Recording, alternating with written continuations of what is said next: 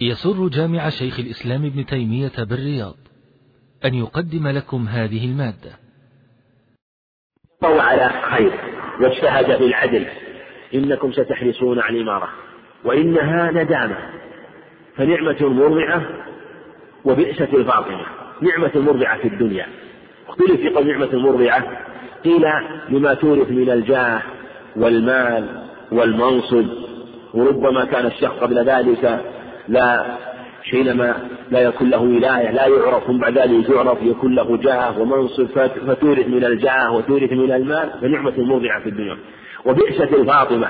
حينما يبعد عن هذا المنصب في الدنيا فكأنه فطم قبل تمام رضاعة. كالصبي الذي فطم قبل تمام رضاعة. لم يأخذ منها حدثا أو أنه مات وتركها فانقطع درها عليه. لكن من كان أخذها بحقها وأدى الذي عليه فيها واجتهد في إيصال الحقوق وفي نفع الناس وكان قصده بذلك نفع الناس ولم يقصد بذلك التأمر ولا الترأس على الناس فإنها نعمة الولاية ونعمة الإمارة.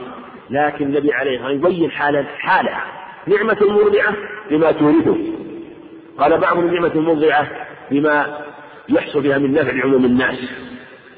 وهذا فيه نظر والنظر الله على نعمة المرضعة بما تورثه من المال والجاه والمنصب والشرف في الدنيا لمن يأخذ هذه الولايات جميع أنواع الولايات. المراد أنواع الولايات عموما. وبئسة الفاطمة بعدما يعزل عنها أو بعدما يموت. بئسة الفاطمة لكن من عدل فيها وصار يجتهد في نفع الناس فإنه على خير عظيم. نعم.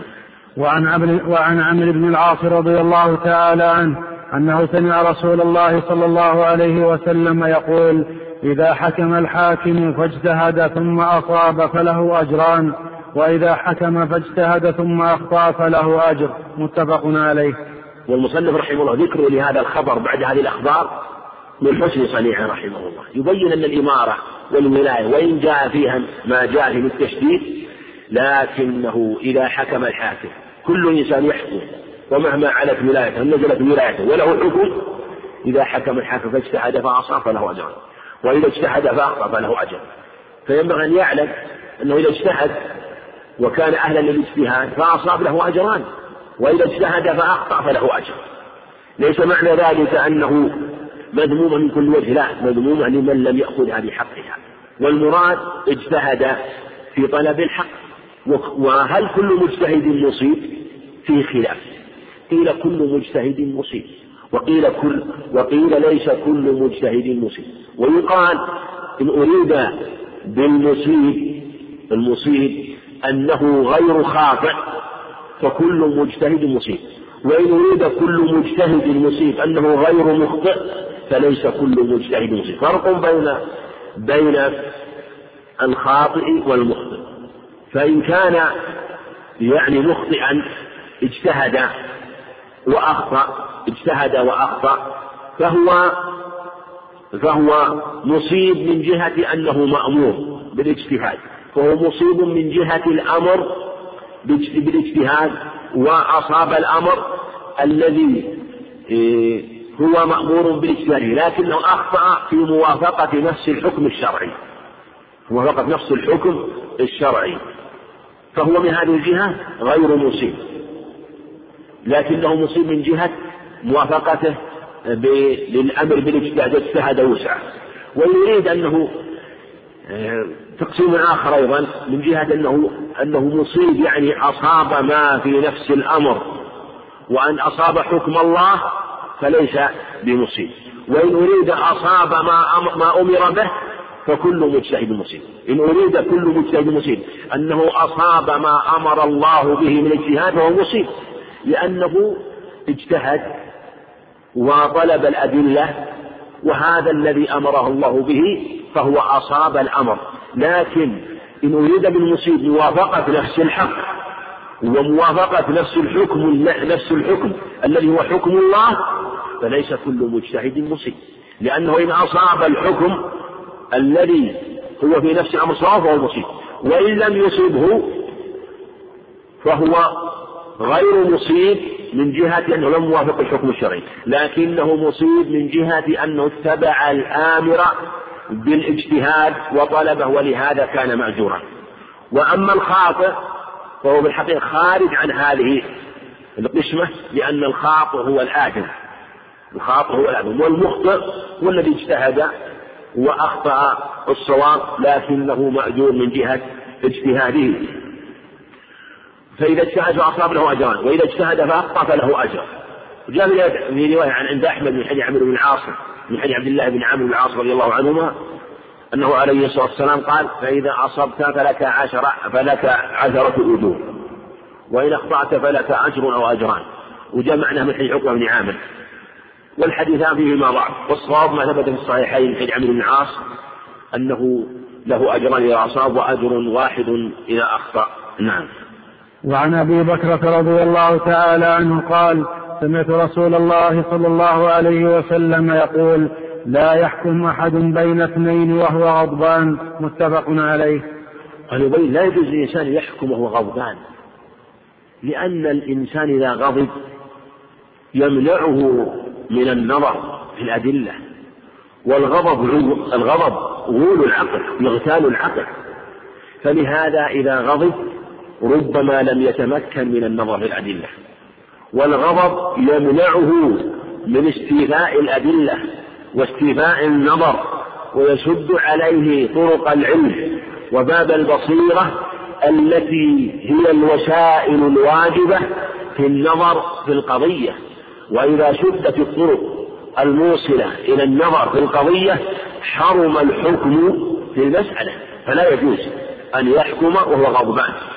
بعض العلم فرق بين ما إذا كان غضبه بعد بيان الحق بعد ما نظر في القضية ثم تبين له الحكم ثم غضب قبل الحكم. وبينما إذا كان الغضب قبل النظر وقبل الحكم. فإن, فإن كان الحكم أو المسألة ظهرت له قبل الغضب ثم غضب فله أن يحكم في حال الغضب. والصواب أنه لا يحكم. لأن الحكم من تمام من تمام الحكم من تمام النظر. الحكم من تمام النظر في المسألة. ولهذا هو جزء منه. وربما لو لم يغضب لكان حكمه حكما آخر. فلا يجوز الحكم حتى ولو كان قد ظهر له بل يجب عليه أن ينتظر. ثم هو في الحقيقة وقت يسير فعليه ينتظر حتى يذهب الغضب. ويدخل في الغضب كل ما يقلق وكل ما يزعج ويمنع من استيفاء النظر من هم أو غم أو شدة جوع أو شدة ظمأ يمنع من استيفاء النظر. وهذا في الحقيقة من معنى العلة لأنه لأن النبي عليه السلام أراد بذلك أراد بذلك ما يمنع النظر. والعلة التي تمنع النظر واستيفاء النظر في القضية ولم يرد خصوص الغضب عليه الصلاة والسلام. لم يرد خصوص الغضب. فكل ما كان مشابها للغضب فهو في حكم الغضب في عدم جواز الحكم. وهذا من باب تعميم النص بعموم علته. ولهذا النص من جاء بالغضب لكن نأخذ منه تعليلا واستنباطا نعوم به الحكم. ولا بأس من أن يستنبط من النص. علة ترجع على النص بالتعميم أو علة ترجع على النص بالتخصيص إذا كانت ظاهرة. وهذا واضح. وهذا يأتي في أحكام الشارع كثيرا. ينهى عن شيء ثم نأخذ العلة ونعممها. ولهذا لو قال لك لو قلت لإنسان وقلت لا تصاحب فلان فإنه إنسان سيء إنسان سيء إنسان أخلاقه سيئة. وذهبت وصاحبت إنسان أشد سوءا أشد سوءا في الأخلاق.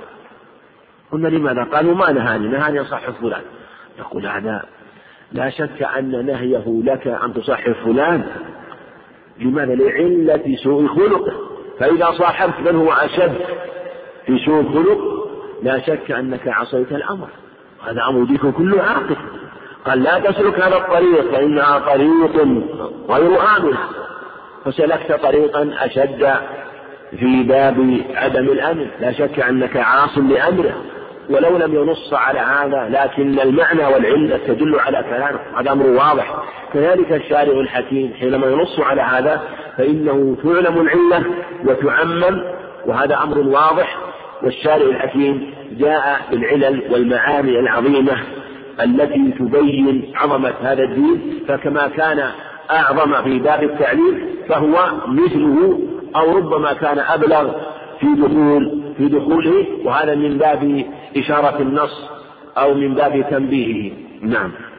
وعن علي رضي الله تعالى عنه قال قال رسول الله صلى الله عليه وسلم إذا تقاضى إليك رجلان فلا تقضي للأول حتى تسمع كلام الآخر فسوف تدري كيف تقضي. قال علي فما زلت قاضيا بعد رواه أحمد وأبو داود والترمذي وحسنه وقواه ابن المديني وصححه ابن حبان وله شاهد عند الحاكم من حديث ابن عباس.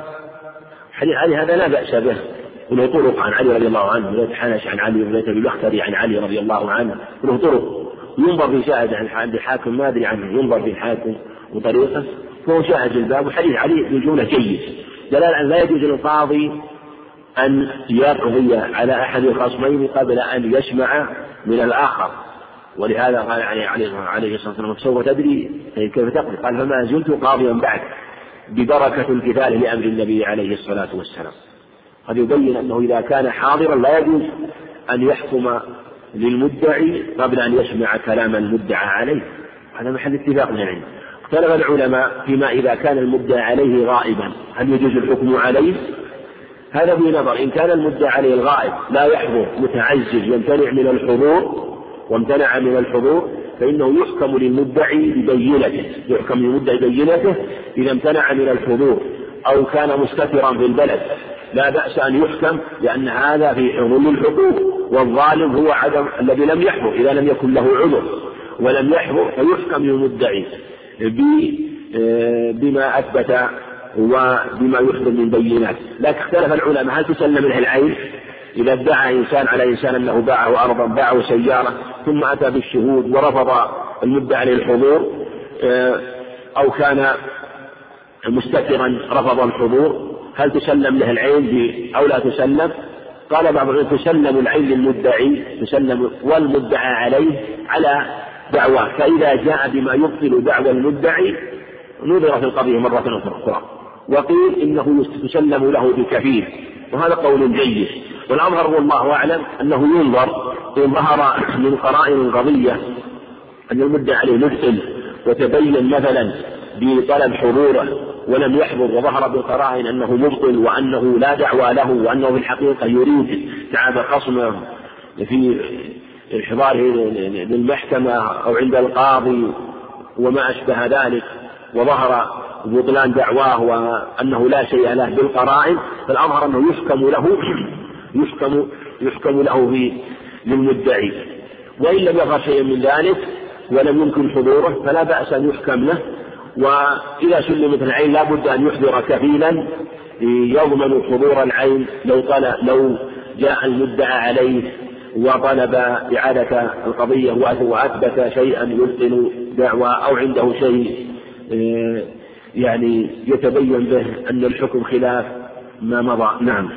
وعن أم سلمة رضي الله عنها قالت قال رسول الله صلى الله عليه وسلم إنكم تختصمون إلي ولعل بعضكم أن يكون ألحن بحجته من بعض فأقضي له على نحو مما أسمع منه فمن قطعت له من حق أخيه شيئا فإنما أقطع له قطعة من النار. متفق عليه. نعم هذا حديث سلمة رضي الله عنها مثل ما قال عليه عليه الصلاة إنكم تختصمون لي وإن بعضكم ألحن بحجة من بعض. يعني لقوة حجته وصلابة لسانه. ربما غلب بقوة خشمه فمن قطعت له من حق أخي شيء فإنما أقطع له قطعة من نار فليأخذها أو ليدعها يقول إنما أنا بشر وإنكم تختصمون إلي. ولعل بعضكم أن يكون ألحن بحجته من أخيه.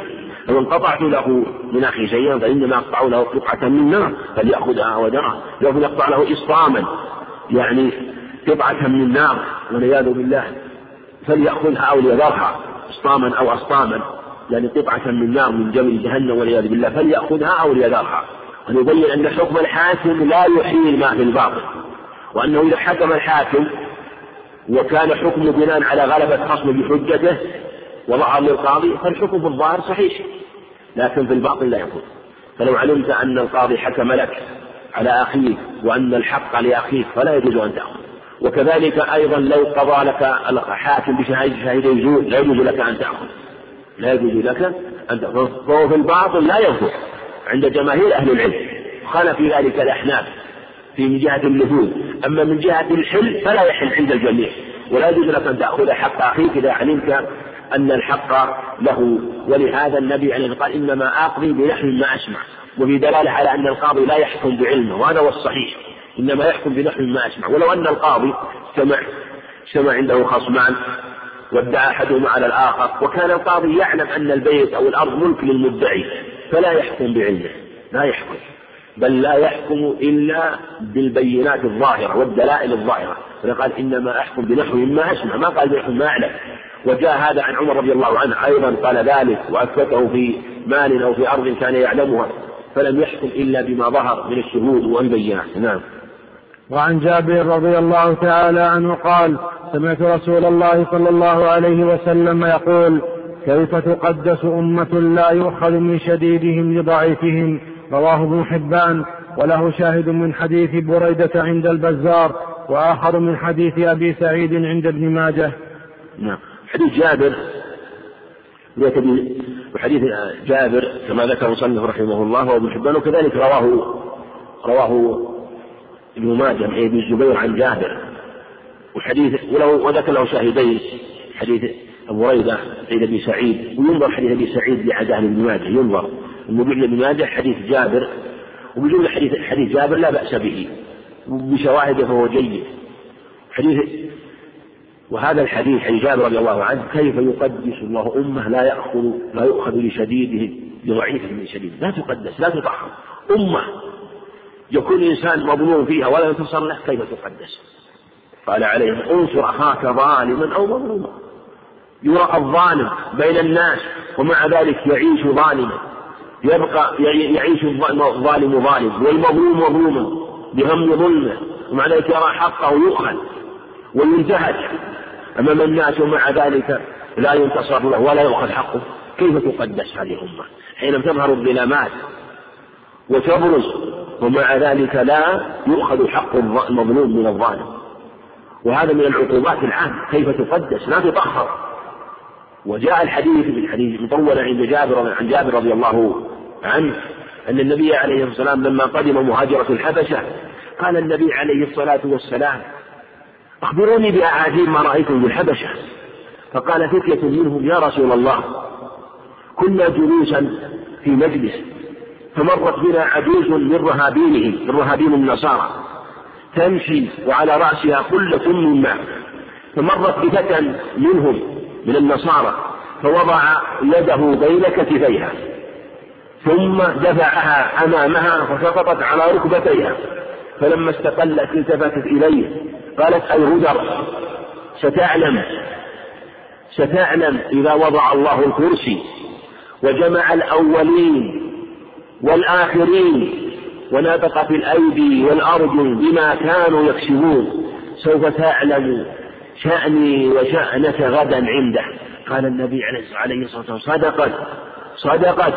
كيف يقدس الله أمة لا يؤخذ لضعيفهم من سبيله لا تقدس أمة حينما هذه المرأة أو العجوز التي أخذ أخذ ظلمت واعتدى عليها ومع ذلك الناس ينظرون إليها من أصحابها وأصحابه ومع ذلك لا ينتصرونها.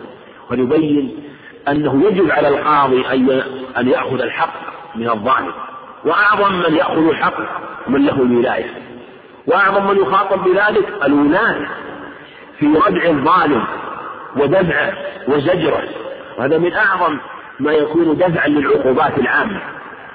وهذا على عموم الناس لكنه على من له ولاية من إمارة أو قضاء أو أي ولاية من الولايات يعني الإسلام والأمور يجب أن يأخذ على يد الظالم وأن يلزم ويجبر على الحق حتى يؤخذ منه ويدفع لصاحبه ويلزم بعمل الحق ويدفع عن الظلم.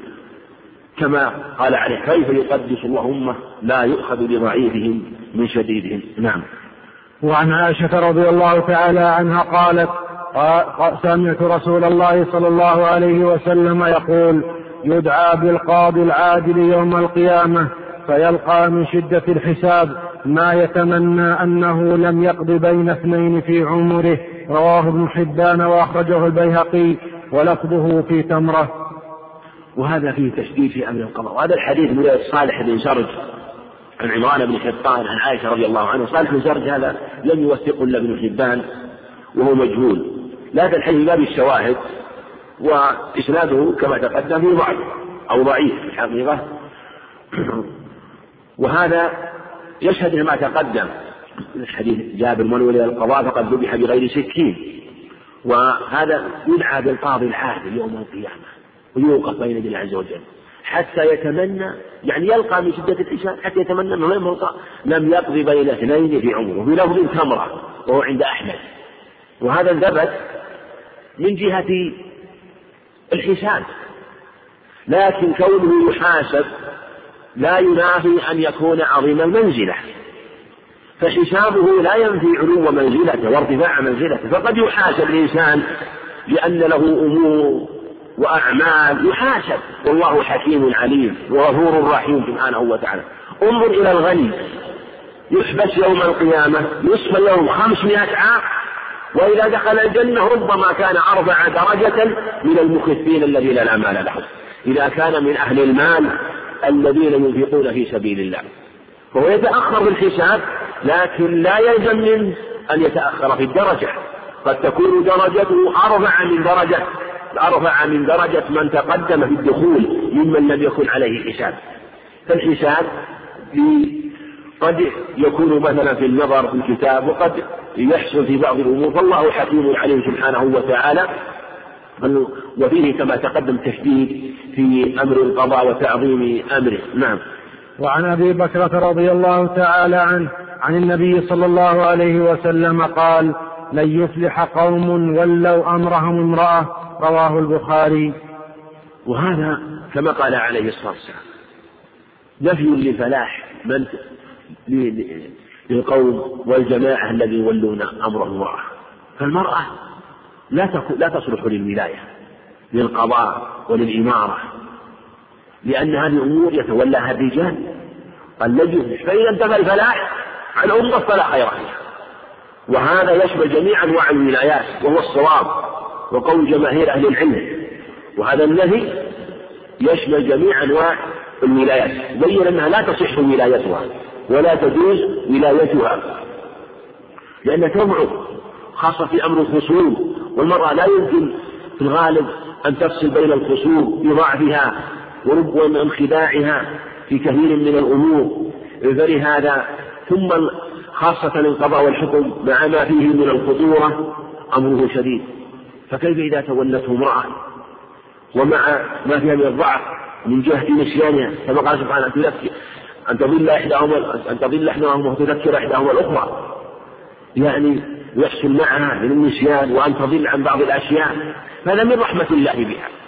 من رحمة الله بها أن عفى عنها عن هذا الأمر حتى لا يكون حرجا كما عفى عنها في أمور كثيرة وكفاها سبحانه وتعالى في شرعه أمورا كثيرة فلم يجعل لها فيها الولاية. نعم. وعن أبي مريم وعن أبي مريم الأزدي رضي الله تعالى عنه عن النبي صلى الله عليه وسلم أنه قال من ولاه الله شيئا من أمر المسلمين فاحتجب عن حاجتهم وفقيرهم احتجب الله دون حاجته. أخرجه أبو داود والترمذي. هذا الحديث حديث صحيح عن مريم الأزدي وفي وفيه أنه خاطب معاوية رضي الله عنه بذلك فقال قال له ذلك وكان وضع حاجبا. فأمر معاوية رضي الله عنه لما بلغه ذلك وأن من احتجب عن عن الناس احتجب الله عن فقيرهم وعن حاجتهم وعن فقرهم وفقيرهم احتجب الله دون حاجته وفقره يوم القيامة. هو أشد ما يكون فوضع معاوية رضي الله عنه حاجبا أو وضع شخصا لحاجات الناس. فهذا الواجب. من تولى شيئا من أمور المسلمين فلا يحتجب. والله الله شيئا. احتاج بدون حاجته وفقرهم وفي لفظ خلته احتاج الله دون حاجته وخلته وفقره يوم القيامة. لأنه إذا كان له ولاية الواجب عليه أن يبرز للناس وأن يعرف حقوق الناس فيأخذ للضعيف ويأخذ للمسكين هذا هو الواجب. والنبي عليه الصلاة والسلام لم يكن له حاجب ولهذا كما جاء قال كما الصحيحين لما جاءت ولم تعرفه إنه لم يكن له حجام عليه الصلاة والسلام. كان له خدم يخدمون عليه الصلاة والسلام ويبلغونه ويعرف من الباب. فهذا هو الأصل لكن الحجاب ذكر العلماء إذا كان الحاجب للمصلحة الشرعية فلا بأس. وعلى هذا جمهور أهل العلم. فإذا كان الحاجب لأجل تنظيم الناس ولأجل ترتيب خاصة مع كثرة المشاغبات والخصومات وكثرة الناس وعدم معرفة قدر الحكام والقضاة والولاة وربما تجرأ بعض أهل الباطل وأخذوا الحقوق وربما استهانوا بالقضاة والحكام. في هذه الحال ووضع حاجب يرتب الناس والأول فالأول لأجل التنظيم والترتيب فمثل, فمثل هذا لا بأس به. هذا هو الأظهر في هذه المسألة. أما إذا كان الحاجب الذي يحجب الناس دون حاجتهم دون حاجة المحتاج ويمنع عن حاجتهم هذا الذي لا يجوز. أما إذا كان الحاجب لأجل أن يرتب الناس في الدخول عليه أو يمنع أصحاب الاعتداء والقوة. مثل ربما يأتي ناس يتقدم في الدخول وهم متأخرون في الحضور أو ما أشبه ذلك. فهذا هو الذي ينبغي أن يحجب.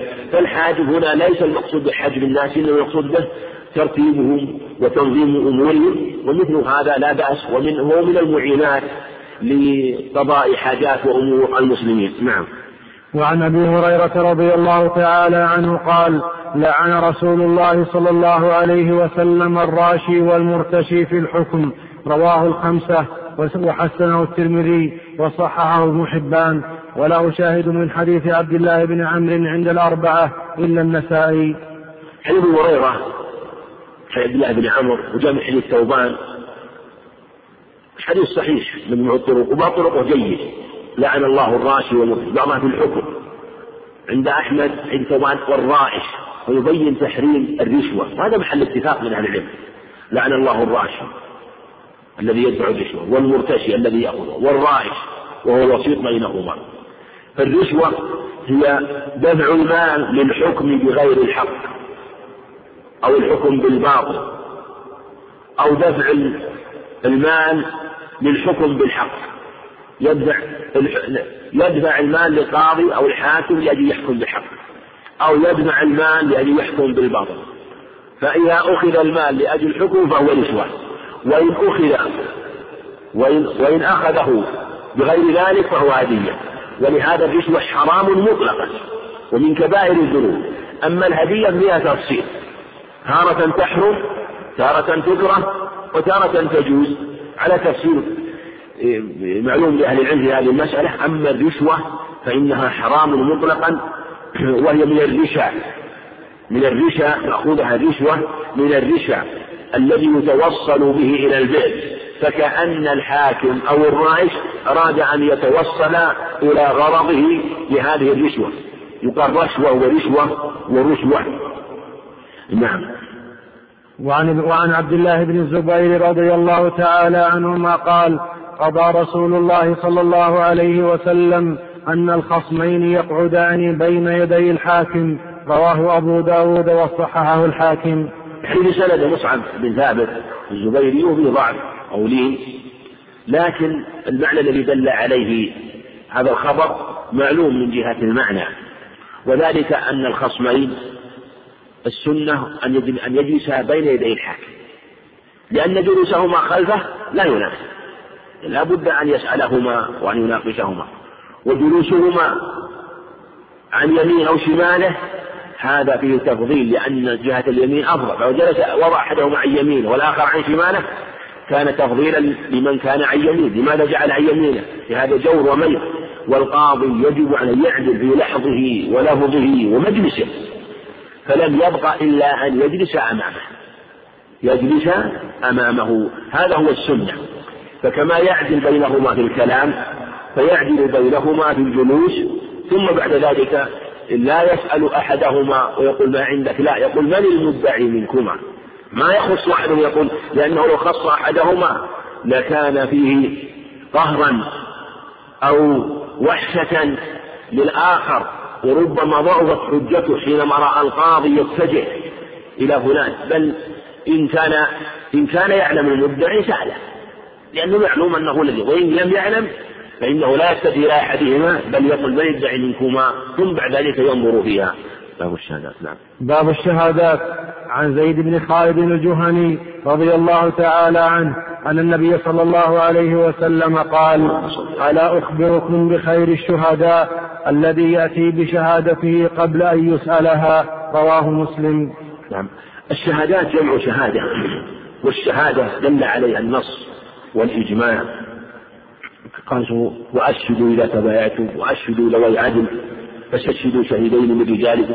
فالشهادة مشروعة من جهة التحمل ومن جهة الأداء على تفصيل في أحكامها في التحمل وفي الأداء. ولهذا صدر المصنف رحمه الله الشهادة بحديث زيد بن خالد رضي الله عنه ألا أخبركم بخير الشهداء الذي يأتي بشهادة قبل أن يسألها وهذا الحديث اختلف العلماء فيه في معنى والأظهر والله أعلم أن هذا في الشهادة التي تكون عندك لإنسان بحق من الحقوق وهو لا يعلمها أو لورثة إنسان لإنسان فمات فتعلم أن لمورثهم حقا على فلان وهم لا يعلمون لأن مورثهم مات ولم يعلموا بالحق وأنت الذي تعلم أو أنت تعلم وهو لا يعلم. ففي هذه الحالة إذا بادرت بالشهادة فهذا من خير الشهداء. الذي الذي يبادر بالشهادة التي يجهلها صاحبها. هذا هو الصواب. وقيل إن الشهادة في الحسبة هذا فيه نظر. شهادة الحسبة في الحقيقة فيها تفصيل. يعني شهادة الحسبة تارة لا ينبغي أن تشهد بها. وفيها تفصيل. ولهذا قال الذي يأتي بالشهادة قبل أن يسألها.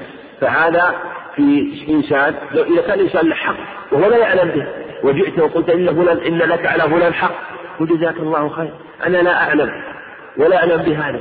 أن تعينه حينما تشهد له فيكفي أن يكفيه أن يحلف مع شاهده. يكفي خاصة إذا علم ذلك. ولن تضر تذكره بذلك. تذكره بذلك بالحق الذي له على فلان. المقصود أن هذا هو خير الشهداء سواء كان شاهدا واحد أو أكثر من شاهد. وهذا غير معارض لحديث عمران بن حسين كما سيأتي. نعم. وعن عمران بن حسين رضي الله تعالى عنه قال قال رسول الله صلى الله عليه وسلم إن خيركم قرني ثم الذين يلونهم ثم الذين يلونهم ثم يكون قوم يشهدون ولا يستشهدون ويخونون ولا يؤتمنون وينظرون ولا يوفون ويظهر فيهم السمن متفق عليه. حديث عمران بن حسين رضي الله عنه جاءنا الشاهد الصحيحين من حديث الله مسعود خير الناس قرني ثم الذين يلونهم ثم الذين يلونهم. حديث عمران بن حسين فلا أدري ذكر بعد قرنه قرنين أو ثلاثة. الصحيحين. حديث الله مسعود أيضا جاء في صحيح مسلم أنه شك في القرن الثالث. وجاء في صحيح مسلم أنه قال خير الناس قرني ثم ثم الذين يلونهم ثم الذين يلونهم. من حديث ابي هريرة في صحيح مسلم. وفي صحيح مسلم أيضا حديث عائشة أن رجل سأل النبي عليه الصلاه والسلام أي الناس خير؟ قال القرن الذي أنا فيه ثم الثاني ثم الثالث. وجاء في بعضها ذكر الرابع جزما لحيث جعد بن نبيره لا تفيد ثبوت نظر. وأكثر الأخبار على ذكر القرنين بعد قرن ووقع الشك في القرن الثالث في حديث عمران بن حصين عن ابن مسعود. بعضها وقع الشك في في وقع الشك هل بعد قرنه قرنين أو ثلاثة. وفي بعضها وقع الشك هل بعد قرنه آه، قرن أو قرنين.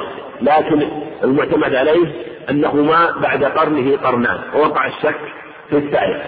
ربما شهد لأن القرون التي بعد قرن الثلاثة حديث أبي سعيد الخدري في صحيح مسلم أنه قال يغزو فئام من الناس فيقال فيكم من صحب النبي عليه الصلاة والسلام فيقال نعم فيفتح لهم. ثم يغزوه ويقال فيكم من صاحب من صاحب, من صحب أصحاب النبي صلى الله عليه وسلم. ثم ذكر القرن الثالث ثم ذكر القرن من صحب أصحاب من صحب النبي عليه ذكر القرن الرابع. ربما يشهد له وأنهم أربعة قرون. لكن المقدم في حديث عمران بن حسين وجاء في معناه في ذكر القرون أنه ثلاثة وقع الشك في القرن الثالث بعد القرنين. اللذين بعد عليه الصلاة والسلام. وهذا يبين أن أفضل القرون هو قرنه عليه الصلاة والسلام وهو الصحابة؟ وهذا يبين أن الصحابة هم أفضل الأمة؟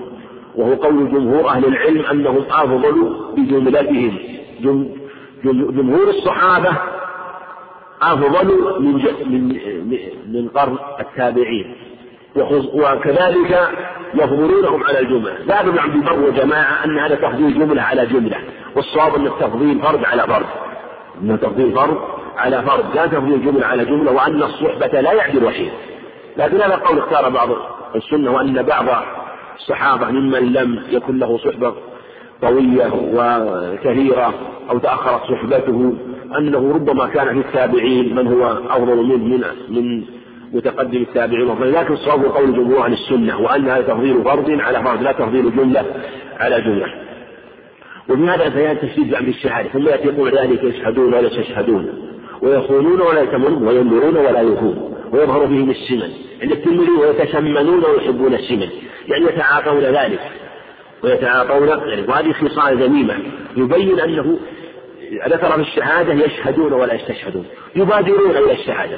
وهذا الأظهر فيه أن المسارعة إلى الشهادة وقيل إن المراد بالشهادة في الزور. والأظهر والله أعلم أنه المسارعة إلى الشهادة والمبادرة إليها بدون طلب. وهذا يؤذي بعدم الضبط وعدم العناية وعدم التحري أن يبادر الإنسان إلى الشهادة. لا تبادر لأنه مثل ما قال كان يضيع الشهادة والعهد ونحن صغار. لا تبادر فصاحب الحق إذا كان له حق يطلب الشهادة لكن أنت إذا علمت أن صاحب الحق يجهل حقه ويبحث عن من يثبت له حقه بشهادته فشهادتك له خير كما جاء في حديث زيد بن خالد رضي الله عنه. نعم.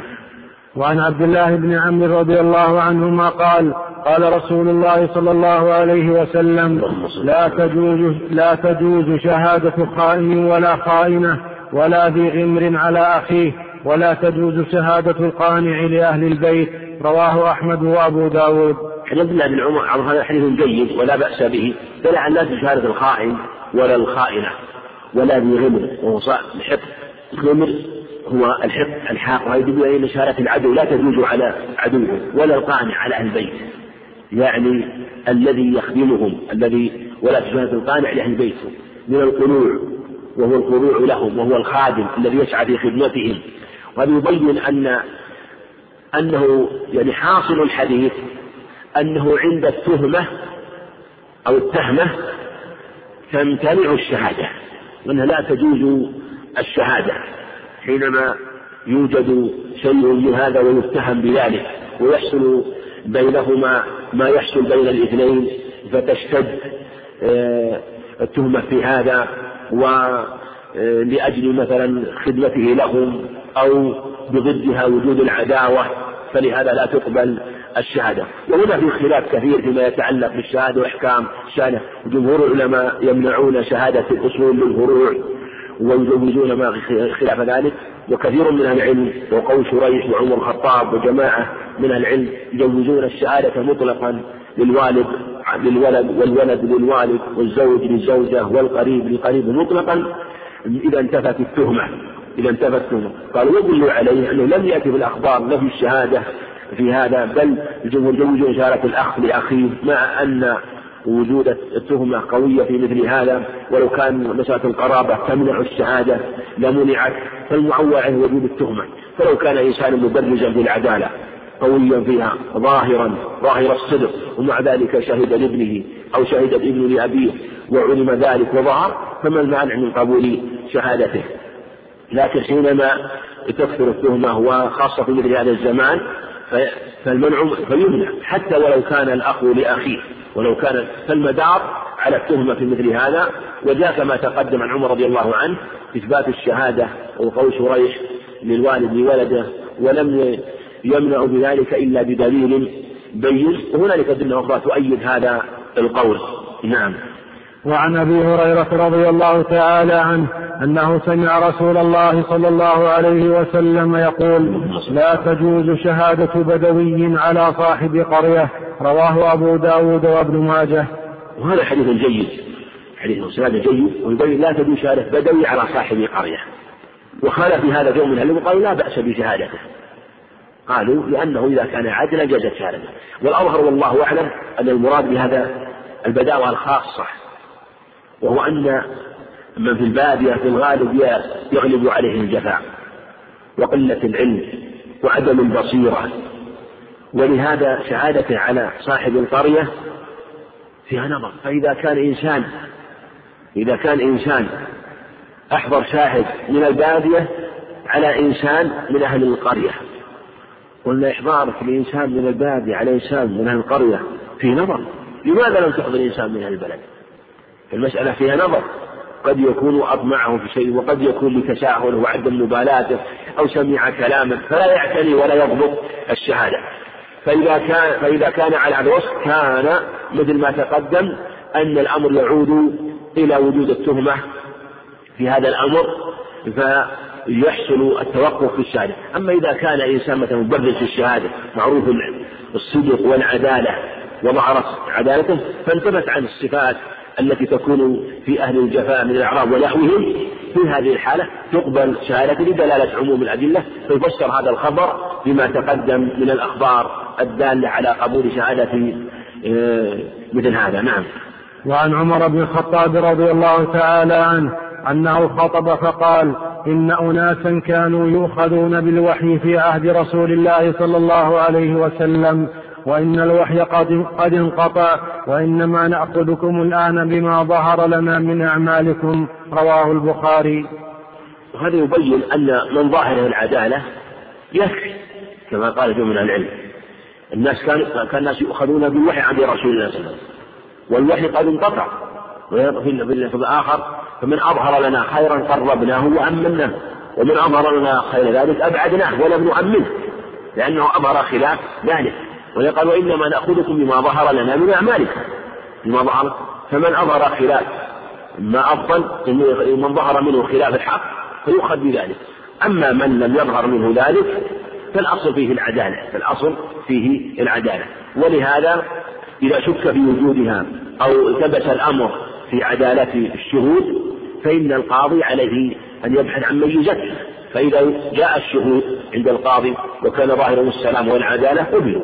وإن لم يكن ذلك وخشي مثلا آه، من من أمر مثلا يمضي الشهادة على وجه غير وجه الحق فلا بأس أن يتثبت القاضي إذا كان لا يعرف الشاهدين ويطلب التزكية. ويكفي اختلف التزكية هل يكفي واحد أو لا بد من اثنين لكل واحد؟ فلو جاء اثنان زكوا الشاهدين كل منهما يزكي وكل واحد من الشاهدين كفى. لكن لابد أن يكون مزكي عالما بمن يزكي ولهذا لما جاء رجل بشاهدين قال عمر رضي الله عنه ائتوا بمن يزكي من يشهد يزكيكم أو من يعرفكم فاني لا اعرفكم ثم ولا يضركم ان لا اعرفكم ثم جاء رجل فقال سأل عمر رضي الله عنهما. قال هل تعرفهما؟ قال نعم. يعني هل تعرفه؟ هذا؟ قال نعم. قال هل سافرت معه؟ السفر الذي يسفر عن أخلاق الرجال؟ قال لا يا أمير المؤمنين. قال هل جاورته؟ تعرف مدخله ومخرجه وليله ونهاره. قال لا يا أمير المؤمنين. قال هل عاملته في الدرهم والدينار تظهر فيه مخبئات الرجال؟ قال لا يا أمير المؤمنين. قال اذهب فإنك لا تعرفه.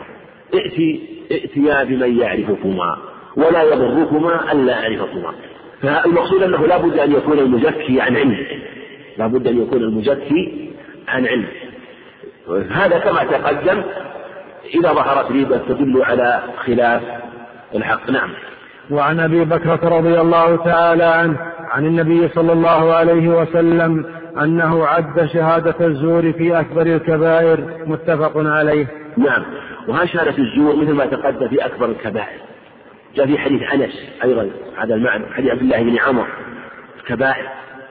هذا يبين أن الذنوب تنقسم إلى صغائر وكبائر كبائر وصغائر لكن اختلفوا في عدها والكبائر ما فيه حد أو وعيد أو نفي إيمان أو طرد أو ما أشبه ذلك. مثل ما ذكر الحجاوي رحمه الله في منظومة فكر قال كن عالما أن الذنوب صغيرها وكبيرها بصغرى وكبرى قسمت في المجود في المجود.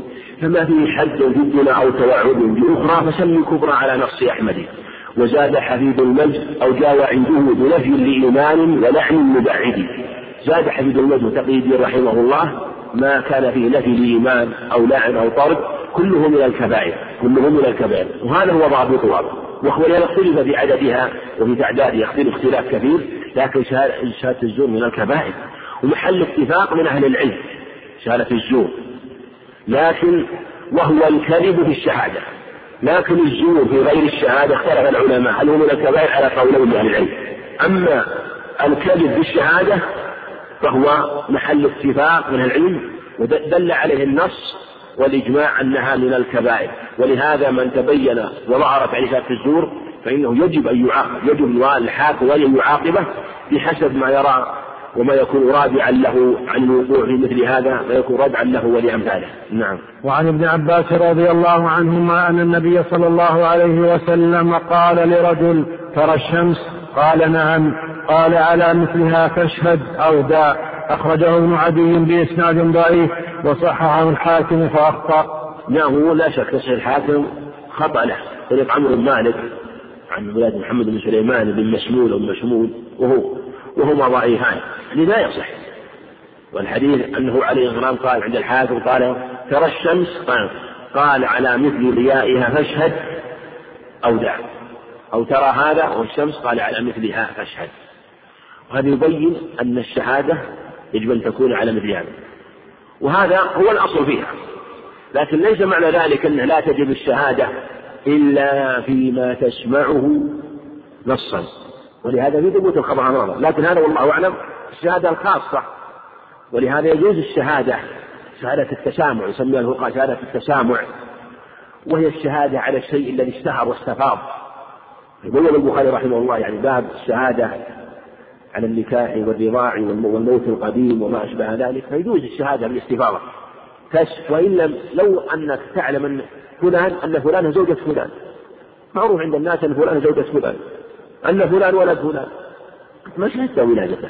وأنت ما شهدت النكاح أن فلان زوجه فلان مولية وأن فلان تزوج. ما شهدت على النكاح. لكنه تسامع عندك استفاض عند الناس أن فلان زوجة فلان. فلان وفلان ولد ابن فلانة. استفاض عندك أن فلان مات. فلان مات. تشهد بهذا. لو استفاض. فلان مات من الناس وأنت ما حضرت وفاته. لكن استفاض. ولا سمعت من شخص معين مثلا. استفاض واشتهر. وهذا إذا استفاض الأمر يكفي نسميه التسامع تسامع الناس بهذا. هذا أمر متقرر ومعروف. ولهذا يستطيع عند الناس نشهد مثلا بعدالة الأئمة والكبار الذين استعر عند الأئمة عدالتهم وإمامتهم. بالاستفاضة والشهرة عند الناس. وهذا واقع كثير. لكن الشهادات على الحقوق الخاصة لا بد أن تسمعها وأنت. ولهذا اختلف العلماء في شهادة المستخفي. والشخص الذي يختفي ويسمع دون أن آه، دون أن يسمعه أو أن يحضر عند من يشهد عليه. يختفي ويسمع أن فلان اعترف بفلان لفلان بحق وجاء يشهد. قال نعم أنا أشهد فلان عليه حق أشهد بأن فلان باعه قال كيف تشهد؟ قال سمعته يبيعه قل بعتك هذا الشيء. سمعته وما رآني. سمي شهادة مستحيل اختلف العلماء فيها. فالمقصود من الأصل فيها أن تكون سماعا. فإذا بت سماعا هذا هو الأصل في حقوق الخاصة ويجوز كما تقدم الشيء الذي يستفيض نعم. وعن ابن عباس رضي الله عنهما أن رسول الله صلى الله عليه وسلم قضى بيمين وشاهد أخرجه مسلم وأبو داود والنسائي وقال إسناده جيد. وعن أبي هريرة رضي الله تعالى عنه مثله أخرجه أبو داود والترمذي وصححه ابن حبان. نعم هذا الحديث عند مسلم وجاء من حديث كما لكم حديث هريرة وجاء من حديث جابر حديث صحيح. بل في الحقيقة هذا الحديث قد يدعى فيه التواتر على طريقة بعض أهل العلم لأنه طرق كثيرة نحو من عشرين صحابي كثير وبعضها إن لم يكن كثير منها جيد وبعضها صحيح جزما وفيها عند صحيح مسلم كهذا الخبر قضى بيمين وشاهد وهذا هو الصواب. لا بأس أن يقرأ باليمين والشاهد فلو أن إنسان له حق على إنسان وليس عنده إلا شاهد.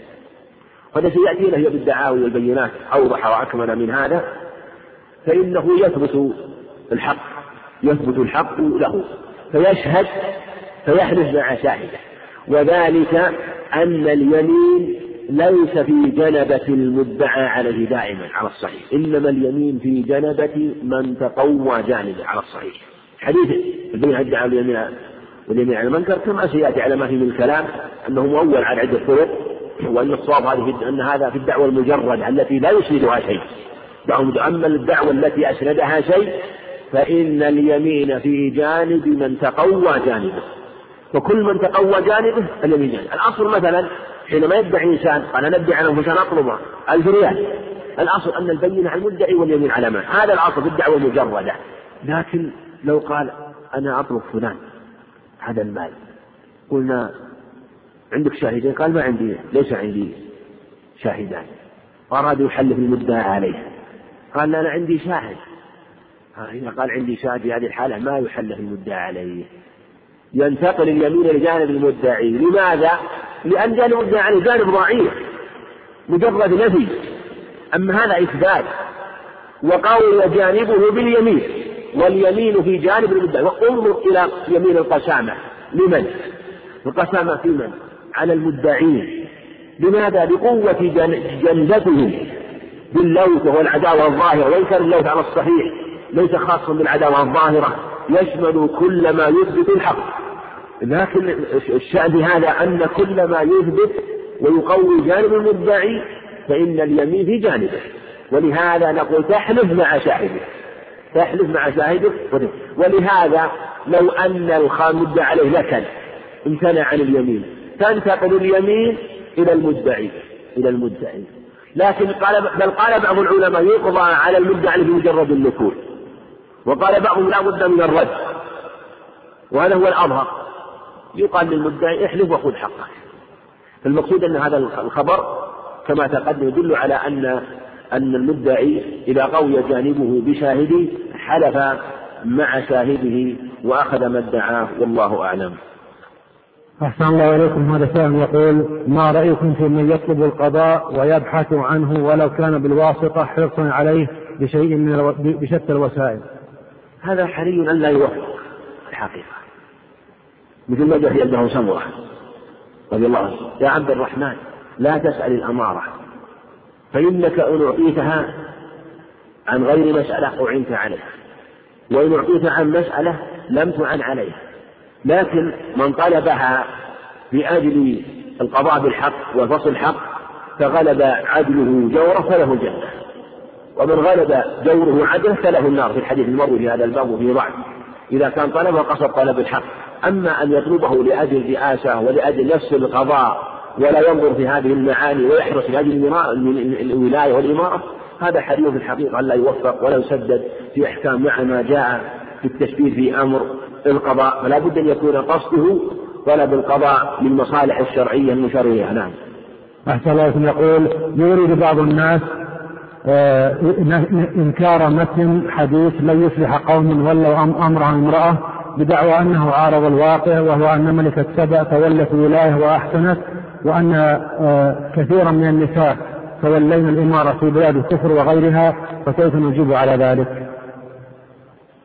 الفلاح نفي الفلاح إما أن يكون في الدنيا أو في الآخرة أو فيهما وهذا خطاب لنا ولشرعنا وعلينا أن نمتثل في في شرعنا أنه مثل ما قال لن يفلح قوم ولوا أمرهم امرأة. ونفي الفلاح مثل ما تقدم. كونهم لا يفلحون إما في الدنيا أو في الآخرة أو فيهما. فمن تولوا وكانت إذا تولت امرأة وكانت على الشرك وأجابها قوم عنها هذا من أعظم الضلال. وكونها مثلا تصلح أمورهم تصلح أمورهم في القيام على هذه الأمور وهم على شرك هذا من أعظم الفساد. أن يتولى أن تتولى امرأة وتكون على الشرك. من أعظم الفساد ويكفي أن يكون الفساد أن تتولى وهي على الشرك وعلى الضلال. فهذا مثل ما تقدم من أعظم الخسران. ثم أيضا مثل ما تقدم النفي هنا نفي عام.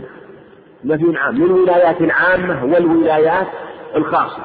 ولهذا أبو بكر رضي الله عنه ذكر عائشة رضي الله عنها وهي على ما هي عليه من الفضل لما أنها ذهبت في أمر الجمل. فقال أبو بكر رضي الله عنه لما سمع الحديث رجع وعلم أنهم لن يحصل لهم ما يريدون لخبر النبي عليه الصلاة والسلام وكون الناس يحصل لهم بعض شيء من أمور الدنيا أو من متاع الدنيا أو من ولاية الدنيا مثلا حينما مثلا إيه تتولاهم لا يدل على الفلاح. فلو أنهم من حصل لهم شيء من أمور الدنيا مثل مثل حينما يتولى إنسان الولاية والقضاء والحكم أو الإمارة وقصده بذلك السلطة والترأس على الناس. هذا في الحقيقة قد يحصل له شيء من الزعامة والولاية والنهوض وقد يحصل مثلا من يترتب بعض الأمور الحسنة لكنه في الحقيقة ليس في حال فلاح. ولهذا قال نعمة المرضعة. هذه قد يحصل شيء من الأمور النسبية ولهذا قال من نعمة المرضعة سماها أرضاعا وسماها كسبا لكنها بئست الفاطمة في الدنيا أو في الآخرة أو فيهما جميعا. أحسن الله لكم يقول ما صحة حديث من ولي من أمر أمتي شيئا فشق عليهم فاشفق عليه. الحديث يعني صحيح. الحديث المعروف أنه صحيح. نعم. أحسن الله يقول كيف نجمع بين أحاديث الترغيب والترهيب في مسألة القضاء؟ مثل ما تقدم من ولي القضاء بالعدل فهذا مرغب فيه. أو قصد نفع الناس هذا مرغب فيه مع علمه بالقضاء وأصول القضاء. ومن كان بغير ذلك فهو المنون كما تقدم. أحسن الله إليكم ما أثابكم ونفعنا بعلمكم وصلى الله على نبينا محمد وعلى آله وصحبه أجمعين. بسم الله الرحمن الرحيم، الحمد لله رب العالمين وصلى الله وسلم وبارك على نبينا محمد وعلى آله وصحبه أجمعين. قال رحمه الله تعالى: باب الدعوى والبينات. عن ابن عباس رضي الله عنهما أن النبي صلى الله عليه وسلم قال: لو يعطى الناس بدعواهم لادعى ناس دماء رجال وأموالهم ولكن اليمين على المدعى عليه. متفق عليه. وللبيهقي بإسناد صحيح البينة على المدعي واليمين على من أنكر. الحمد لله رب العالمين والصلاة والسلام على نبينا محمد وعلى آله وأصحابه وأتباعه بإحسان إلى يوم الدين ومن سار على نهجه واقتفى آثارهم بإحسان إلى يوم الدين. أما بعد الدعاوى جمع دعوة يقال دعاوي ودعاوى مثل الفتاوي وفتاوى والبينات.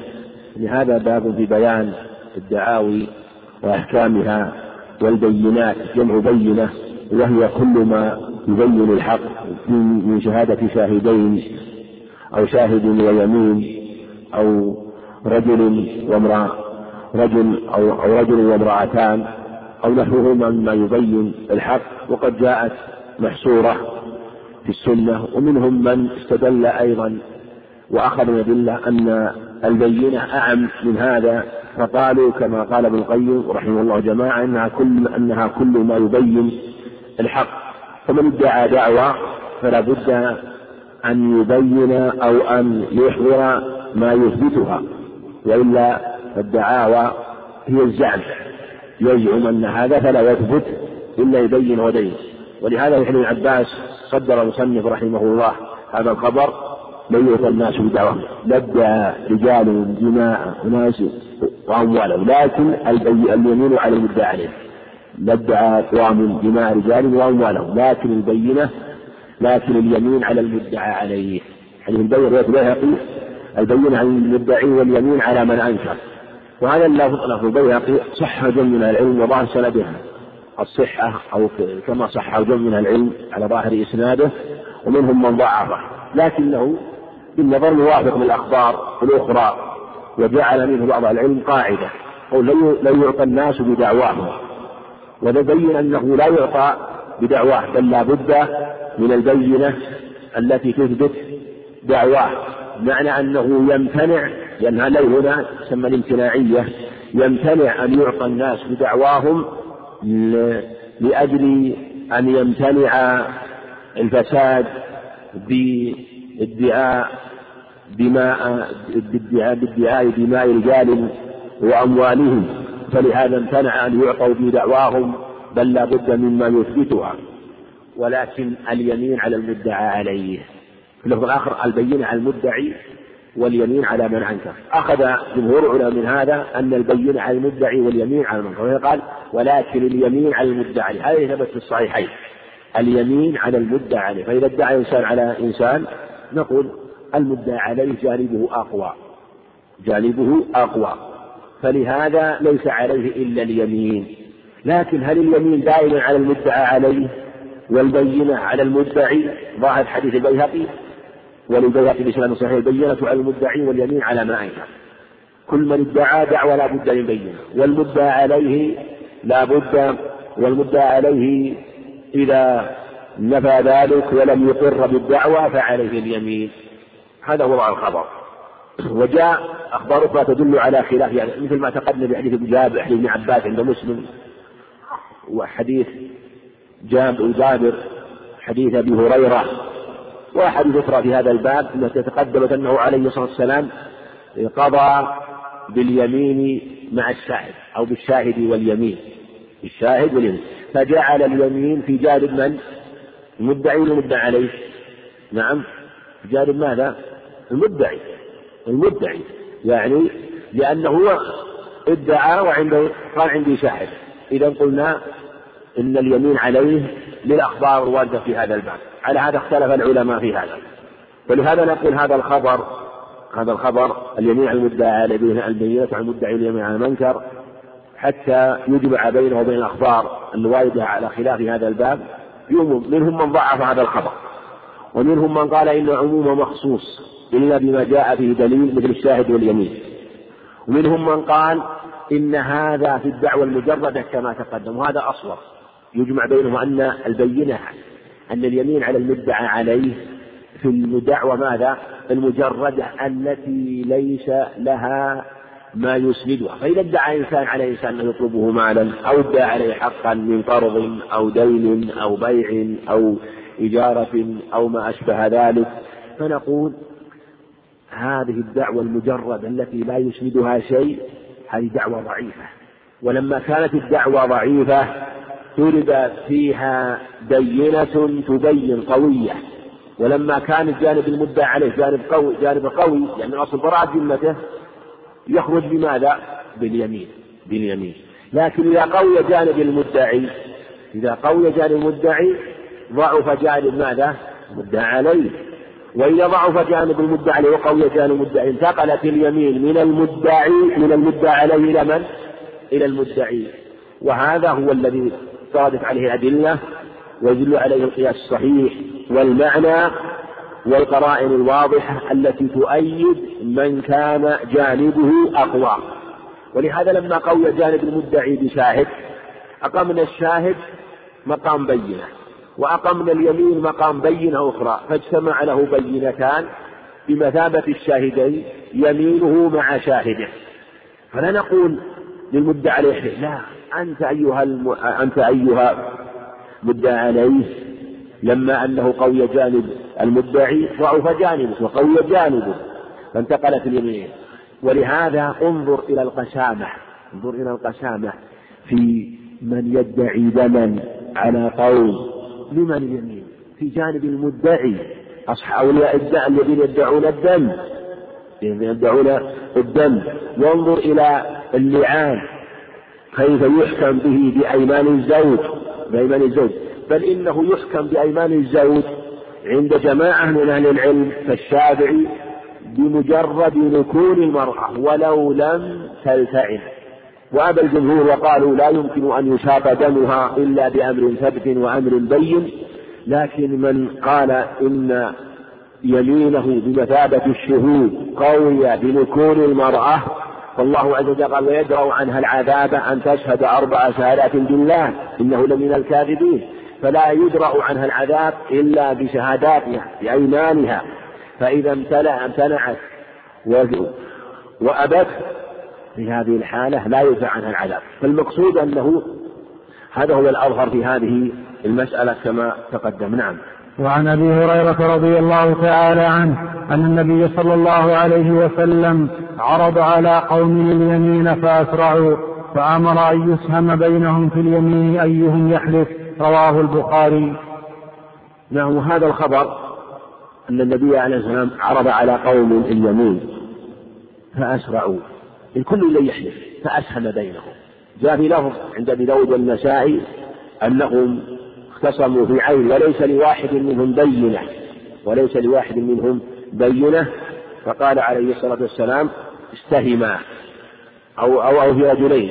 فقال استهما يعني أمر أن يقرع بينهما فمن قرع أخذ آه، بما ظهر نصيبه ثم آه، ثم حلف ثم فهذا في عين حصل فيها نزاع وهذه مسألة فيها خلاف. والمصنف رحمه الله ذكر بعد ذلك حديث أبي موسى في رجل اختصم بدابة ولو أن المصنف جعله مع حديث أبي هريرة لكان أولى حتى يجمع شمل الأخبار التي في معنى واحد.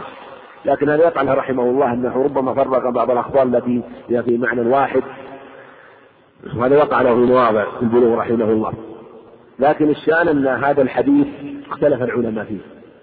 ورواية أبي هريرة مبشرة أنها في عين ادعاها قوم ادعاها قوم فتنازعوا فيها. فأمر النبي عليه السلام أن يحلفوا فأسرعوا كل يريد أن يحلف. أسرعوا كل يريد أن يحلف. عرض عليهم اليمين عرض عليهم اليمين. فأسهم بينهم. في حديث أبي موسى أنه قسمها بينهم نصفين. تنازعوا في عين وليس في واحد واحد منهم بينة. فأمر أن تقسم بينهم نصفين. وعلى هذا اختلف العلماء فيما إذا تنازع الرجلان في عين فليس لواحد منهما بينة أو لكل واحد منهما بينة. نزاع طويل وكبير. المسألة فيها خلاف والأدلة محتملة في هذا. وظاهر ما في البخاري رحمه الله أنه يقرع بينهم لأنه إن لم يكن لأحد بينة استوت دعواهم. وإن كان لكل لكل بينة تساقطت دعواهما. هذه قابلت هذه وهذه قابلت هذه فسقطت. فسقطت البينتان. فكأنه لا بينة لهما. فيدعيان عينا ليس لأحدهما ما يثبت دعواه. رجعنا إلى ما يفصل النزاع. والقرعة طريق شرعي لفصل وقطع النزاع بين المتنازعين. وتعين من المستحق لهذه العين. وجاءت القرعة في عدة أخبار في الصحيحين وغيرهما عن النبي عليه الصلاة والسلام. وعلى هذا إن كان لم يكن لأحدهما شيء يبين يبين ويثبت فالأظهر والله أعلم أنه يسهم يقرع بينهما. فمن قرع فإنه يحلف ويأخذ العين. وسيأتي في حديث أبي موسى الإشارة إليه مع أنه مضطرب. وضعيف. نعم. وعن أبي أمامة الحارثي رضي الله تعالى عنه أن رسول الله صلى الله عليه وسلم قال من اقتطع حق امرئ مسلم بيمينه فقد أوجب الله له النار وحرم عليه الجنة. فقال له رجل وإن كان شيئا يسيرا يا رسول الله؟ قال وإن قضيب من أراك. رواه مسلم. ونعم حديث أبي أمامة الحارثي رضي الله عنه. من اقتطع حق امرئ مسلم يمينه فقد أوجب الله له النار. حرم عليه الجنة. قال وإن كان, وإن كان شيئا يسيرا قال وإن قضيبا. وإن قضيب نرد الحافظ رحمه ذكر وإن كان المحفوظ في رواية مسلم وإن ما في كان. ينظر إن كان عند غير مسلم لكن محفوظ وإن قضيبا من أراك هذا معروف هذا أسلوب. وقضيب اسم كان المحذوفة مع اسمها. وهي تحدث بعد إن ولو كثيرا كما يقول مالك ويحذفونها ويبقون الخبر وبعد بعد إن ولو كثيرا ذا اشتهر مثل قول عليه الصلاة والسلام التمس ولو خاتما.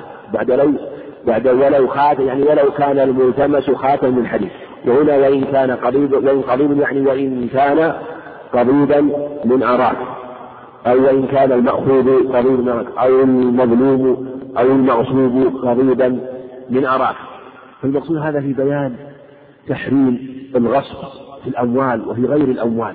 قال وإن وإن قضيبا من أراك يعني قيمته يسيرة ومع ذلك في هذه العقوبة العظيمة تشديد في الأخذ عن طريق الظلم والمكابرة.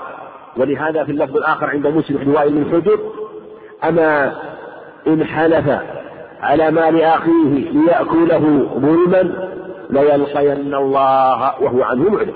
وهو في لفظه وهو غضبان كما هنا. سيأتي معناه في حديث الأشعث بن قيس في حديث الله بن مسعود رضي الله عنهما في التشديد في أمر الأموال. فكيف بما هو أعظم منها؟ فإن التشديد فيه أعظم وأشد نعم. وعن الأشعث بن قيس رضي الله عنه أن رسول الله صلى الله عليه وسلم قال من حلف على يمين يقتطع بها مال امرئ مسلم هو فيها فاجر لقي الله وهو عليه غضبان. متفق عليه. نعم حديث. ولو أنه قال ولو أنه عطف عبد الله بن مسعود على الاشعث بن قيس لكان أحسن لأن الحديث في الصحيحين عنهما عن الاشعث بن قيس وفي قصة ثم قال الاشعث رضي الله عنه ما يحدثه عبد الله بن مسعود فذكروا له قصة فقال كانت بيني وبين رجل خصومة في بئر. فذكر القصة ثم ذكر حديث من حلف عليه يقتطع بها مال من مسلم هو فيها فاجر لقي الله وهو عليه غضبان. ولا شك أن أن التشديد بهذه العقوبة في الآخرة يدل على أنه أمر عظيم وأمر فظيع. وإذا كان كما تقدم في الشيء اليسير فكيف بما كان أشد؟ وبعض العلماء قالوا إن كان كلما كان المال أعظم كلما كان المال كلما كان عقوبة أشد. لكن هذا يختلف. بحسب المأخوذ والمضروب قد يكون الإنسان يؤخذ من شيء يسير ويكون عنده شيئا كثيرا. ففي التحذير من أخذ الأموال وغصبها. وفي بيان أنه لا لا يجوز أن تقبل دعوى بلا بينة. دعاوى لا تقبل إلا فكيف من يأخذ ظلما؟ نعم. وعن أبي موسى الأشعري رضي الله عنه أن رجلين اختصما إلى رسول الله صلى الله عليه وسلم في دابة. ليس, ليس لواحد منهما بينة. فقضى بها رسول الله صلى الله عليه وسلم بينهما نصفين. رواه أحمد وأبو داود والنسائي وهذا لفظه. وقال إسناده جيد. وهذا الخبر فيه اضطراب وضعف كما تقدم. مخالف لحديث أبي هريرة ورواية أبي داود والنسائي عن أبي هريرة يوضحه أنه عليه الصلاة والسلام قال استهم عليه. وهذه أمر أن أن تقسم بينهما. ولذلك اختلف العلماء كما تقدم. وبعض أهل العلم قال إن كان لكل واحد منهما ما يثبت حقه مثل أن تكون يد كل منهما على هذه الدابة أو على هذه السيارة أو على هذه الأرض. كل منهما يده عليها. في هذه الحال نعمل هذه اليد لكن لا نبطل اليد الأخرى. فتتقابل اليدان في هذه الحال ولا بد آه، من العمل بما يحصل خصومة. وهل نلغي اليد ونقول في هذه الحال ننتقل إلى طريق آخر وهو الاستهام كما تقدم أو نثبتها وننظر فيما يحصل بينهما ويكون هو أن تقسم بينهما نصفين. لكل واحد منهما نصف. هذا له نصف وهذا له نصف.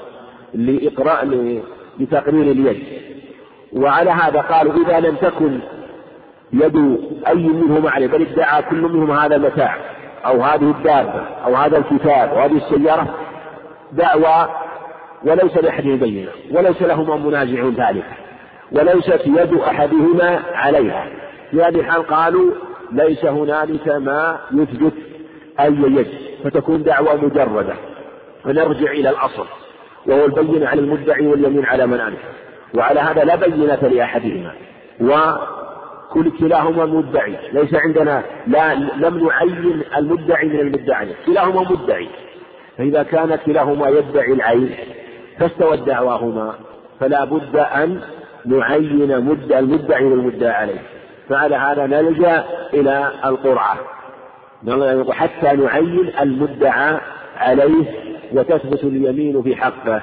فمن قرع تثبت اليمين في حقه فإن حلف أخذ العين. وإن أبى صارت المسألة بابا آخر إما نقضي بها للشخص الآخر لنكونه أو نرد اليمين عليه ويحلف كما سيأتينا. فجعلوا حديث أبي موسى على واقع وإذا كانت يد أحدهما عليه كل منهما يده عليها لكن إن لم يأتي ما يفصل بينهما فنقسم نصفين. نقسم بينهم لا هذا نصف وهذا نصف. وإذا لم تكن يد أحدهما عليها بيدعه مجردة فالاستهام هذا جنح إليه بعض العلم ومنهم من قال يقرع بينهما مطلقا ولا فرق بين أن يكون له بينة أو لا يكون له بينة بينة أو أن تكون يد هذا عليها ويد هذا عليها. لا فرق بذلك لحديث أبي هريرة المتقدم وهو أثبت وأصح. نعم. وعن جابر رضي الله عنه أن النبي صلى الله عليه وسلم قال من حلف على منبر هذا بيمين آثمة تبوأ مقعده من النار. رواه أحمد وأبو داود والنسائي وصححه ابن حبان.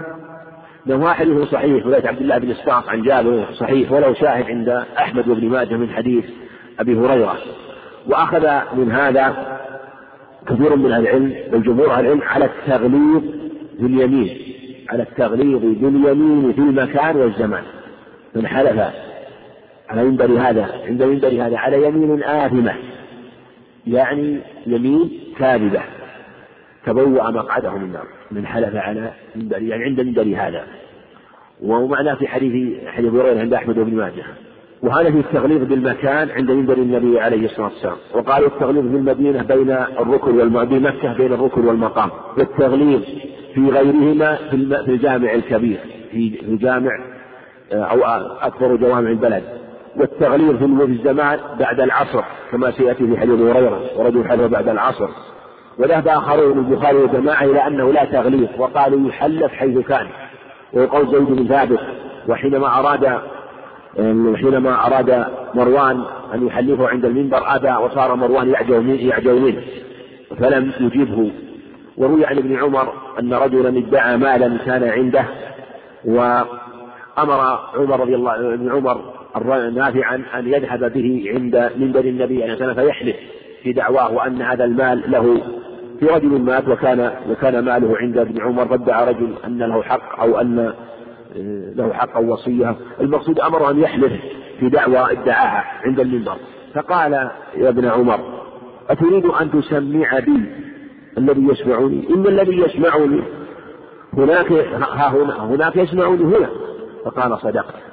فقال صدق. فظاهر هذا أنه أقره أنه عاد إلى آه، قول آخر في عدم التغليظ. لكن الجمهور على التغليظ وظاهر حديث جابر وظاهر حديث أبي هريرة بقوله تعالى تحدثونه من بعد الصلاة فيقسمان بالله إن ارتبتم لا نشتري به ثمنا ولو كان ذا قربى ولا نكتم شهادة الله إنا إذا لمن الآثمين فقالوا الحبس هذا بعد الصلاة وقيل بعد صلاة العصر.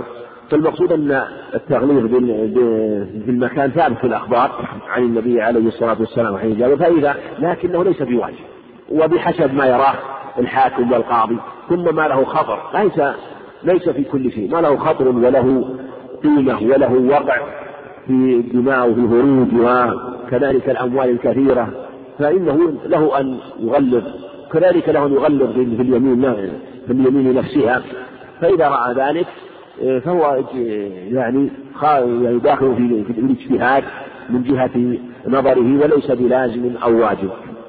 نعم. وعن أبي هريرة رضي الله تعالى عنه قال قال رسول الله صلى الله عليه وسلم ثلاثة لا يكلمهم الله يوم القيامة ولا ينظر إليهم ولا يزكيهم ولهم عذاب أليم. رجل على فضل ماء بالفلاة يمنعه من ابن السبيل ورجل بايع ورجل بايع رجلا بسلعة بعد العصر فحلف له بالله لأخذها بكذا وكذا فصدقه وهو على غير ذلك. ورجل بايع إماما لا يبايعه إلا للدنيا فإن أعطاه منها وفى وإن لم يعطه منها لم يفي. متفق عليه. وهذا الحديث ورد في معنى أخبار كثيرة عن النبي عليه الصلاة والسلام بالتشديد في هذه الأمور. ثلاثة لا يكلم الله ولا ينظر ولا يزكيهم ولهم عذاب أليم. ورجل على فضل ماء بثلاث يمنعه من السبيل وهذا في التحريم منع فضل الماء وأنه لا يجوز منع فضل الماء. وهذا من فضل الله. فضل الماء من فضل الله. وأصله وما حصل كله من فضل الله سبحانه فلا يجوز منعه. رجل على فضل ما يمنعه من ابن السبيل. ابن السبيل أول شارب ابن السبيل أحق منك أيها الواري أيها النازل على الماء.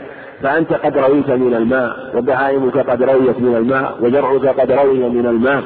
تمنع من السبيل من الماء؟ تمنع ما لم تم ما لم تصنع يداك. تمنع فضل الله لا يجوز لك ذلك. بل يجب عليك أن تبذله. بل يجب بذله لبهائمه. وقيل يجب بذله لزرعه. بل أدلة تدل على يجب أن يبذل فضل الماء ولا يباع. صحيح مسلم حديث جابر نهى عن بيع فضل الماء. في الصحيحين حديث أبي هريرة لا تمنعوا فضل الماء لتمنعوا به فضل الكلى لا يجوز لأنه إذا إذا لأنه إذا منع من الشرب إذا منعت إذا منع منعت بهائم من الشرب امتنع من النزول. إذا منعت امتنع من النزول والمجيء إلى هذا المكان. ولا يأتي إلى هذا المكان. لا تمنع فضل تمنع به فضل الكلى لأنه إذا علم أنه سوف يمنع من الشرب لا يأتي ببهائم لكي ترعى لأنه يأتي إلى هذا المكان لكي ترعى بهائمه وتشرب من ماء. فإذا كان يعلم وأظن أنه يمنع من الماء فإنه لن يأتي. فيكون قد منع فضل الكلى بسبب منعه الماء. فلا يجوز. قال عليه الصلاة والسلام كما روى ابن وائل بسند صحيح ثلاث لا يمنعن الماء والكلاء والنار. حديث ابن عباس وحديث رجل يصحب النبي عليه الصلاة والسلام بإسنادين فيهما كلام لكنه مجموع الطرق وشاهد حديث هريرة جيد أنه عليه الصلاة قال المسلمون شركاء في ثلاثة الماء والكلاء والنار. في حديث أبو هيسة عند أبي داود عنها وعن أبيها رضي الله عنها أن أن أن بل إن أباها سأل النبي عليه الصلاة والسلام قال يا رسول ما الشيء الذي لا يحل منعه؟ قال الماء قال ما الشيء الذي لا يحل منعه؟ قال الملح قال ما الشيء الذي لا يحل؟ قال أن تس أن تبذل إلى الفضل قال أن وإن تبذل إلى الفضل خير لك يعني من كل شيء فيجب بذل الماء وضرب فلا يحل ولهذا على فضل ماء يمنعه من السوء. وذهب يوم من العلم يجب بذل فضل الماء حتى من من نخلك من بئرك التي تسقي منها زرعك يجب أن تبذله إذا فضل عن حاجتك. لأنه ماء جاري في باطن الأرض وأنت لا تسوق. والله الذي أنزله من السماء. والله الذي أودعه باطن الأرض سبحانه وتعالى. فعليك أن تبذل فضل الماء. ورجل بايع بعد العصر. ورجل ورجل وبايع رجل بعد العصر فحلف بالله لأخذها بكذا وكذا. وعلى غير ذلك. لفظ لقد أعطى بها كذا وكذا. لقد أعطى يعني اشتراها بكذا وكذا. وقيل لقد أعطي يعني طلبت منه بكذا وكذا. والأظهر أنه أعطى يعني أنه اشتراها بكذا وكذا. لرواية لظاهر هذه الرواية لأخذها يعني أنه اشتراها يفسر لا أعطى يعني قد بدل أو دفع بها كذا وهو غير ذلك. فيجب إذا إذا سئل يبين إذا لا, لا يجوز أن يكذب ولا المقصود لا يجوز أن يكذب ولا يخف ولا يخدع ورجل بايع إماما لا يبيع إلا للدنيا فإن أعطاه منها رضي وإن لم يعطي منها ويعطاه من الوفاء وإن لم يعطيه منها لم يفي هذا الفساد عظيم. إذا كان يبايع لهذه الدنيا وإن لم يعطى من الدنيا نقض. هذا من أعظم النقض والنكس أن يبايع لأجل الدنيا فإن لم يعطى من الدنيا نقض وصار شرا وفسادا عظيما لأن فساده في الحقيقة ليس عليه وحده بل على عموم المسلمين. لأن نفسه ونقضه للعهد يسبب الشر والفساد. فلهذا جاء الوعيد الشديد في هذه الأمور الثلاثة. نعم. وعن جابر رضي الله تعالى عنه أن رجلين اختصما في ناقة فقال كل واحد منهما نتجت عندي وأقام بينة فقضى بها رسول الله صلى الله عليه وسلم لمن هي في يده. وعن ابن عمر رضي الله عنهما أن النبي صلى الله عليه وسلم رد اليمين على طالب الحق. رواهما الدار قطني وفي إسنادهما ضعف. نعم هذان الحديثان عند الدار قطني وهما ضعيفان لا يصحان. حديث جابر الذي نتجت وقد نتجت هذه أفعال محصورة أو ألفاظ محصورة بها على صيغة بلا المجهول عليا كرع نتج. نتجت هذه هذه الناقة عندي. نتجت يعني أنها كانت عنده ولدت عنده وأقام بينة. فقضى النبي صلى الله عليه وسلم هي في يده. هذا أخذ بجو من العلم وقالوا إن من ادعى عينا وهو في يده فإنه تكون له إذا قام بينة ولا ينظر إلى بينة خصمه لأن تقوى تقوت بينته بيده بينته بيده وقالوا يسمونها يمين الداخل. بعض قال يتقدم إلى أنها تقدم بينة الخارج بينة الخارج وهو التي ليس في يده والتي ليس في يده لأنه مدع عليه لأن الداخل مدعي والخارج مدعى عليه. وهذا المذهب مذهب أحمد مشهور قالوا إن تقدم بينة الخارج. وهو الذي ليس في يده العين لأنه مدعى عليه. والمدعى عليه هو الذي عليه البينة وهو الذي جانبه أقوى وذاك الأصل أنه لما أنه لما أنه قوي أثبت الخارج البينة تكون اليمين في حقه فيقوى جانبه باليمين. يقوى جانبه باليمين. والحديث مؤيد لقول آخر لكن الحديث ضعيف. والأظهر والله أعلم أن العين تارة تكون تحت يديهما وتارة تكون تحت يديهما وتارة لا تكون تحت يد, يد واحد منهما.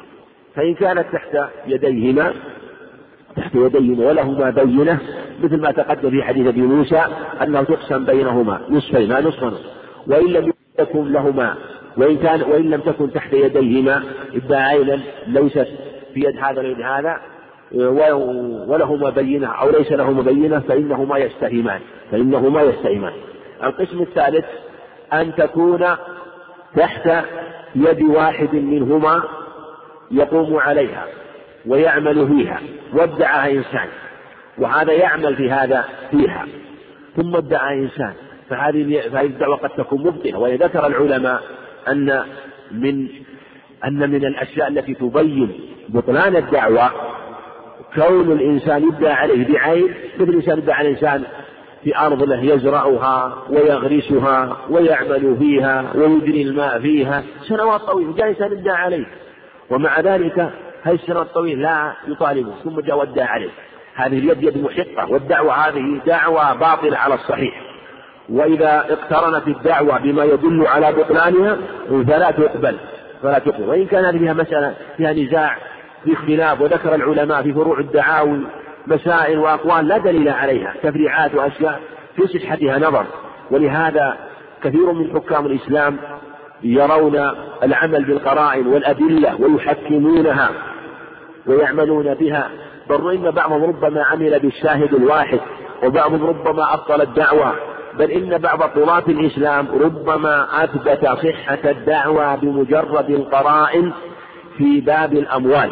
وهذا يروى عن إياس بن معاوية وعن شريح بن الحارث وهو عالمان وقاضيان كبيران من قواة المسلمين كانا يثبتان صحة الدعوة في الأموال التي تأتي القرائن وتشهد لها بما تشهد بما يثبت صدق دعوى أحد المتداعيين. فإذا دلت القراءة على صحة دعوى أحد المتداعيين فإنه يحكم بها عند جمع من أهل العلم خاصة إذا قويت القرائن وضعف جانب جانب الجانب الآخر فالقول بها قول جيد. إذا لم يأتي ما يبطل هذه القرائن. ويروى عن شريح الحارث رحمه الله أن امرأتين تنازعت في أولاد هرة. كل واحدة تدعي أنها أولاد هرتها قال شريح رحمه الله وليس لهذه بينة وليس لهذه مجرد دعوة. قال رحمه الله ألقوها إليها ألقوا أولاد الهرة إليها. يعني إلى واحدة منهم. فإن قرت فإن درت وقرت واستطرت فهو لها.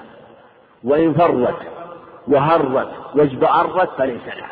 يقول إن قرت إن درت بثديها وقرت واستطرت يعني امتد ثديها للإرضاع فهذا يبين أنها أنست ولا تأنس الهرة إلا إلى أولادها لا ولكن إن فرت وهرت واستطرت يعني انتفشت وصار فيها فتنة فإنها لا تفتن إلا على أولاد غيرها. ولهذا الحديث الحديث الصحيح في قصة سليمان رضي الله عنه عليه الصلاة والسلام لما آه، تلك المرأة في تلك المرأتين اللتين تنازعتا ذاك الصبي. كل واحد تقول هو لها. ماذا فعل؟ عليه الصلاة والسلام. قال ائتوني بالسكين. ائتوني بالسكين. كل واحدة امرأتان امرأة كبيرة والأخرى فتاة. تقول نعم. قال ائتوني بالسكين. قالت ماذا ماذا تريد أن تصنع يرحمك الله. قال أريد أن أشقه بينكم. كل واحدة نصف. قالت الصغيرة هو هو ابنها يرحمك هو ابنها. ابنها والكبيرة سكتت ورضيت فقضى به للصغرى مع أن اعترفت أنه ليس لها وأقرت أنه ومع ذلك حكم بخلاف دعوها وهذا بوب النسائي رحمه عليه أبوابا عظيمة وذكر ابن القيم رحمه في الطرق الحكمية ثلاث أبواب أو, أو, أو أكثر. ذكر معناه باب الحاكم يحكم للخصم بخلاف ما ادعى به. وذكر أنه قال يقول الشيء أريد أن أفعل ولا أفعل. فالمقصود أن القرائن في مثل هذا يعمل بها إذا دلت عليها وقوية. الحديث الآخر حديث ابن عمر ردني عن طالب الحق. هذا فيه ضعف لكن تقدم لنا أنه أن اليمين قد ترد في جانب القوي فإذا ادعى دعوة ثم ادعى آه، ثم طلب من المدعى عليه الحلف في الدعوة فأبى امتنع.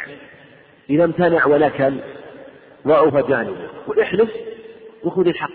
فإن أبى هل ترد اليمين على المدعي أو لا ترد؟ خلاف يعني منهم من قال يثبت الحق للمدعي بمجرد دخول المدعي عليه. ومنهم من قال ترد على المدعي. قال الإمام أحمد رحمه الله ما هو ببعيد؟ يحلف ويأخذ. يحلف ويأخذ. وجاءت في هذا عدة قضايا عن الصحابة رضي الله عنهم معروفة إيه، تدل تارة على الرد وتارة على عدم الرد. هو الرد حينما لا يكون المدعي عالما المدعى عليه عالما بها وعدم الرد إذا كان المدعي المدعى عليه عالما بالحق فإنه يحلف يحلف مثل باع إنسان على إنسان سيارة وعلى أنه ليس فيها عيب ثم اطلع بها على عيب ثم ترافع فيقال للم... فيقال للمدعى عليه صاحب السيارة احلف أنه ليس بسيارتك عيب. لأنه يعلم بالسيارة فإن حلف فالحمد لله إن لم يحلف في هذه الحال إن لم يحلف فعدم حلفه لأن يعلم السيارة يقوي صحة درس في هذا لا ما له حاجة إلى الرد. ما له حاجة الرد لأن لا نرد إلا إذا كان لا نردها إذا كان المدعى عليه لا يعلم بتلك العلم إذا كان يعلم عينه ويعرفها فإنه يحلف.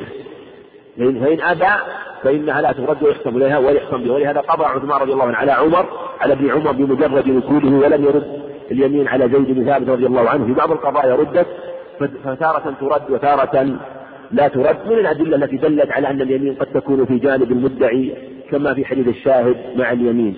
وعن عائشة. وعن عائشة رضي الله عنها قالت دخل علي رسول الله صلى الله عليه وسلم ذات يوم مسرورا. تبرق أصارير وجهه. فقال ألم تر إلى مجزر المدجي؟ نظر آنفا إلى زيد بن حارثة وأسامة بن زيد فقال هذه أقدام بعضها من بعض. متفق عليه. جزا الله فضيلة الشيخ خيرا على ما قدم وجعله في ميزان حسناته. والسلام عليكم ورحمة الله وبركاته.